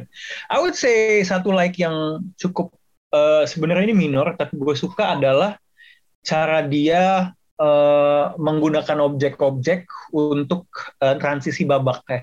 Jadi ada beberapa Oh. title art Oh iya. bagus banget yang menggunakan either darah atau tulisan di di, di pasir atau objek-objek di di alam which yang menurut gue pas lah kadarnya tidak berlebihan tapi tidak terlalu sedikit jadi cukup apa stand out. Dan, dan dan terkadang efeknya itu cukup komedik. Hmm. Yang Harley punya tuh kayak itu, kayak logo band black metal Norwegian. iya iya. Yang kayak akar-akar itu. Right right. With the trees juga gitu ya ya Nah. yang yang bagus banget tuh yang Jotunheim itu loh Yang dari barang-barang di rooftop itu nggak sih? Ya, begitu iya. zooming in ke dalam langsung berubah jadi bener-bener barang di genteng doang that's good Itu- that's really cool dan itu tuh sebenarnya kalau kalau yang khusus yang Jotunheim itu tuh lumayan reference anak anak ahensi sebenarnya Iya. Nah soalnya kan Iya, anak iya, ahensi biasanya tuh ng- ngambil reference dari pameran seni instalasi apa gitu kan. Kan ada zamannya eh, cukup happening tuh eh, ini pas kayak kayak 3D pop art gitu kan, yang Iya. ada instalasi dilihat dari satu angle tuh kayak A, dari Iya. angle lain tuh jadi memben- membentuk kata. So I kind of got that vibes ketika optical gitu. illusion-ish gitu ya Right, right, right, right. Um, I think satu dislike gue itu sebenarnya agak serumpun sama lo bang. Mhm. Uh, I I do feel the pace of the movie in the middle. Uh, nah kan kind of drags. Uh, terasa agak oke. now sebenarnya yang dibutuhkan adalah lo cepet-cepet ke penghabisannya aja gitu. Dan men- dan adegan-adegan yang lo maksud tadi adalah bagian dari itu. Itu Iya. sih yang it- untungnya nggak nonton di bioskop kan. Jadinya Iya. di part-part itu jujur itu agak gue cepetin per 15 detik.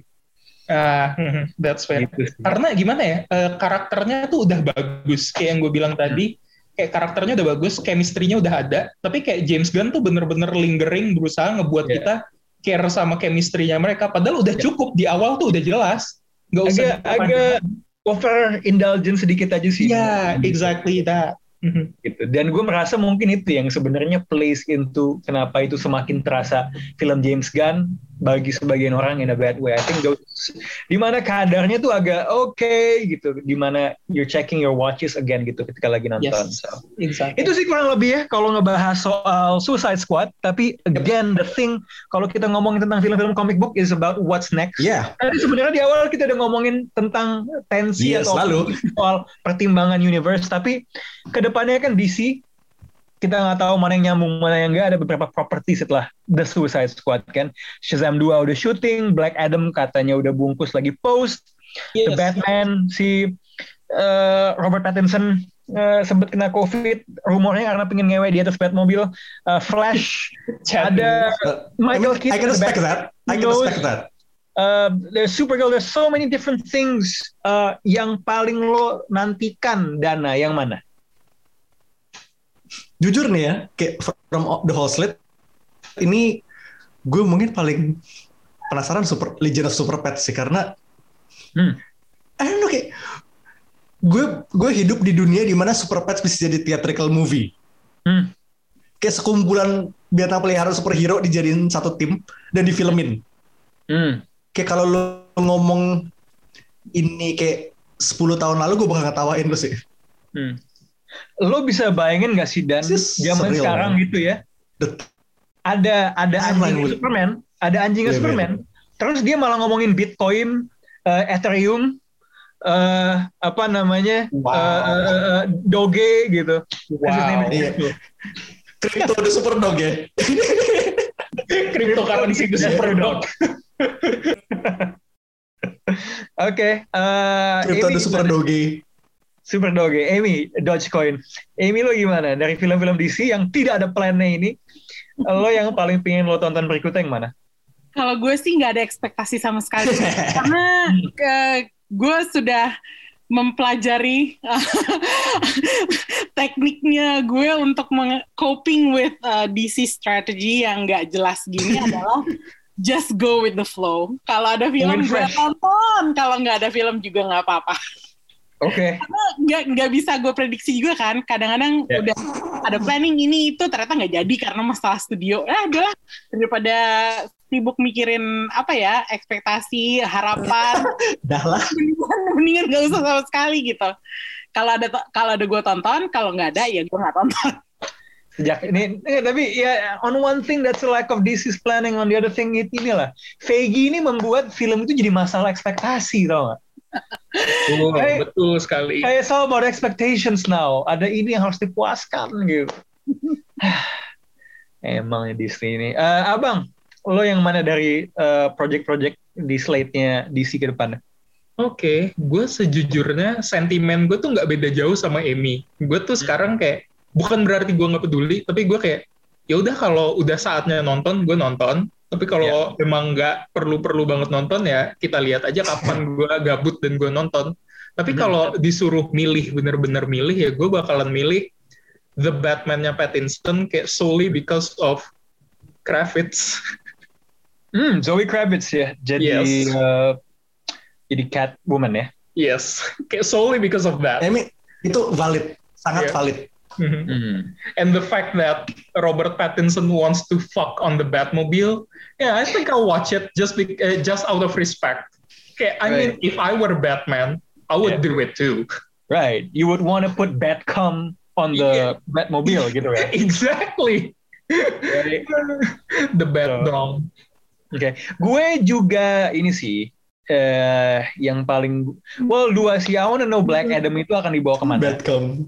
Karena gue nggak familiar dia itu ya di bayangan gue sih ya dia penjahat ya. Gue nggak pernah baca dia di komiknya. Iya. Momen-momen di mana Iya, mungkin dia- dia emang Dia jagoan. rada serius, dia rada serius, dan gue berharap The Rock Ya, kayak bakalan nunjukin range-nya Mo- dia. Gue pengen lihat Tanda gitu. bisa ya. dibilang. Hmm. I, I would also Ya harapan gue adalah ya tidak Dwayne Johnson as Dwayne Johnson sih. Eh, tapi gue juga ingin nyambungin. Eh, menurut gue The Batman juga satu project yang gue nantikan karena aneh juga sih. Maksud gue di, di, di- satu sisi gue bosen ngelihat ngelihat Batman tuh oke dark and brooding gitu. Cuman emang itu sesuatu yang gue kaget luput. Fakta bahwa di triloginya Nolan dia tidak pernah bertindak sebagai detektif kecuali mungkin satu adegan ketika dia lagi ngeliat bekas peluru di tembok batu bata di The Dark Knight. So I, apa ya? gue pengen lihat aja Semoga, sih. men. semoga sih. Iya, lo lo ya udah lo treat bener-beneran kayak film noir em, yang memang berasa banget dia lagi mencoba menemukan eh, menginvestigasi sebuah misteri gitu. Eh, itu sih yang gue Plus ya ini dia bakal lawan Riddler sih. Jadi kayak ini Hmm. bukan ancaman yang bisa lo kelar dengan ditonjok gitu loh. Well, Satu bisa, tapi lo mesti lo mesti investigasi lo buat bisa nonjok dia. Iya, jadi bukan cuma soal penjahatnya, tapi eh, motifnya apa. Dan yang juga pengen gue tambahin adalah kata-katanya Matt Reeves tuh Gotham dan apa ya eh, keberadaannya korupsi di kotanya tuh akan dieksplorasi lebih jauh ke akar-akarnya. Bagi gue itu juga sesuatu yang cukup menarik ya. Eh, apakah itu misalnya akan dibawa ke Court of Owls atau apa? Gue nggak tahu. Itu yang pingin gue pingin gue lihat sih ke depannya. Tahu. So, anyway gitu aja kali ya. Bahasannya udah cukup lama sampai Yep. Lisa juga diam-diam udah kabur untuk ngerjain satu uh, kerjaan yang kayaknya nggak bisa dielak. So, thank you banget Sorbat ngomongin Lisa udah- Suicide udah- Squad. Udah terciduk Waller kayaknya dia. Iya iya iya iya iya. iya. Kalau nggak kalau kalau misalnya dia terus ada di dalam podcastnya paling meledak gitu. So anyway, uh, thank you guys for joining us. Jangan lupa buat cek di Suicide Squad um, dengan uh, kekuatan VPN biar bisa lihat di HBO Max karena pun juga kayaknya kurang bijak ya kalau misalnya nanti bioskop pun dibuka setelah Yoi. dalam kondisi pandemi ini. So it was a fun discussion. Uh, jangan lupa nanti uh, buat dengerin dia. apa apa namanya uh, di di, di sosmednya box to box komen aja gimana menurut lo soal film ini tentu saja tanpa spoiler karena kalau uh, mau dengerin ulasan spoilernya mending dengerin podcast ini so that is our episode of the Suicide Squad thank you very much